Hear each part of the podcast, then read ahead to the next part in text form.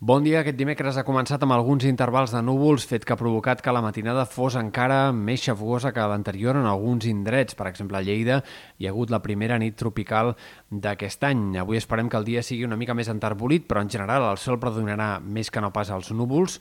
A la tarda hi haurà alguns ruixats al Pirineu i Prepirineu, però avui tot fa pensar que no hi haurà tempestes tan fortes com les dels últims dos dies, sinó que seran ruixats menys abundants i més puntuals. Eh, les temperatures al migdia es quedaran lleugerament més curtes que ahir, però seguirà fent molta calor per l'època i seguirem parlant de temperatures clarament més altes del que tocaria. Aquest dijous, canvi de temps. Esperem l'entrada d'una massa de núvols i de ruixats ja des de primera hora. Això farà que la pròxima matinada pugui ser encara més xafogosa que no pas les últimes, però, en canvi, el canvi de masses d'aire provocarà un ambient més fresc de, de cara a la tarda i també de cara a divendres. Aquest dijous hi haurà ruixats de matinada en comarques de la meitat oest. A partir del migdia i de cara a les primeres hores de la tarda, una segona tongada de tempestes podria ser més forta.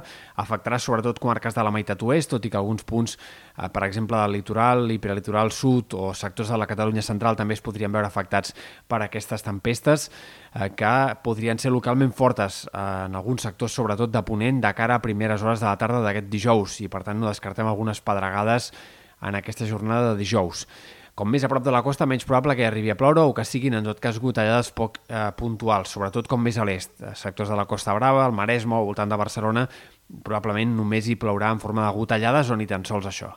De cara a divendres, dia més tranquil, més clarianes, eh, ruixats només puntuals al Pirineu i en canvi el cap de setmana haurem de parlar de més variabilitat, tot i que encara hi ha bastanta incertesa sobre el temps del cap de setmana i de fet no és gaire clar ni tan sols si hi haurà més ruixats dissabte o diumenge, però en tot cas el que sí que sembla probable és que els ruixats i tronades segueixin afectant més les comarques de la meitat oest que no pas a comarques de Girona i de Barcelona. Pel que fa a les temperatures, és possible un repunt del termòmetre al cap de setmana, sobretot a prop de la costa.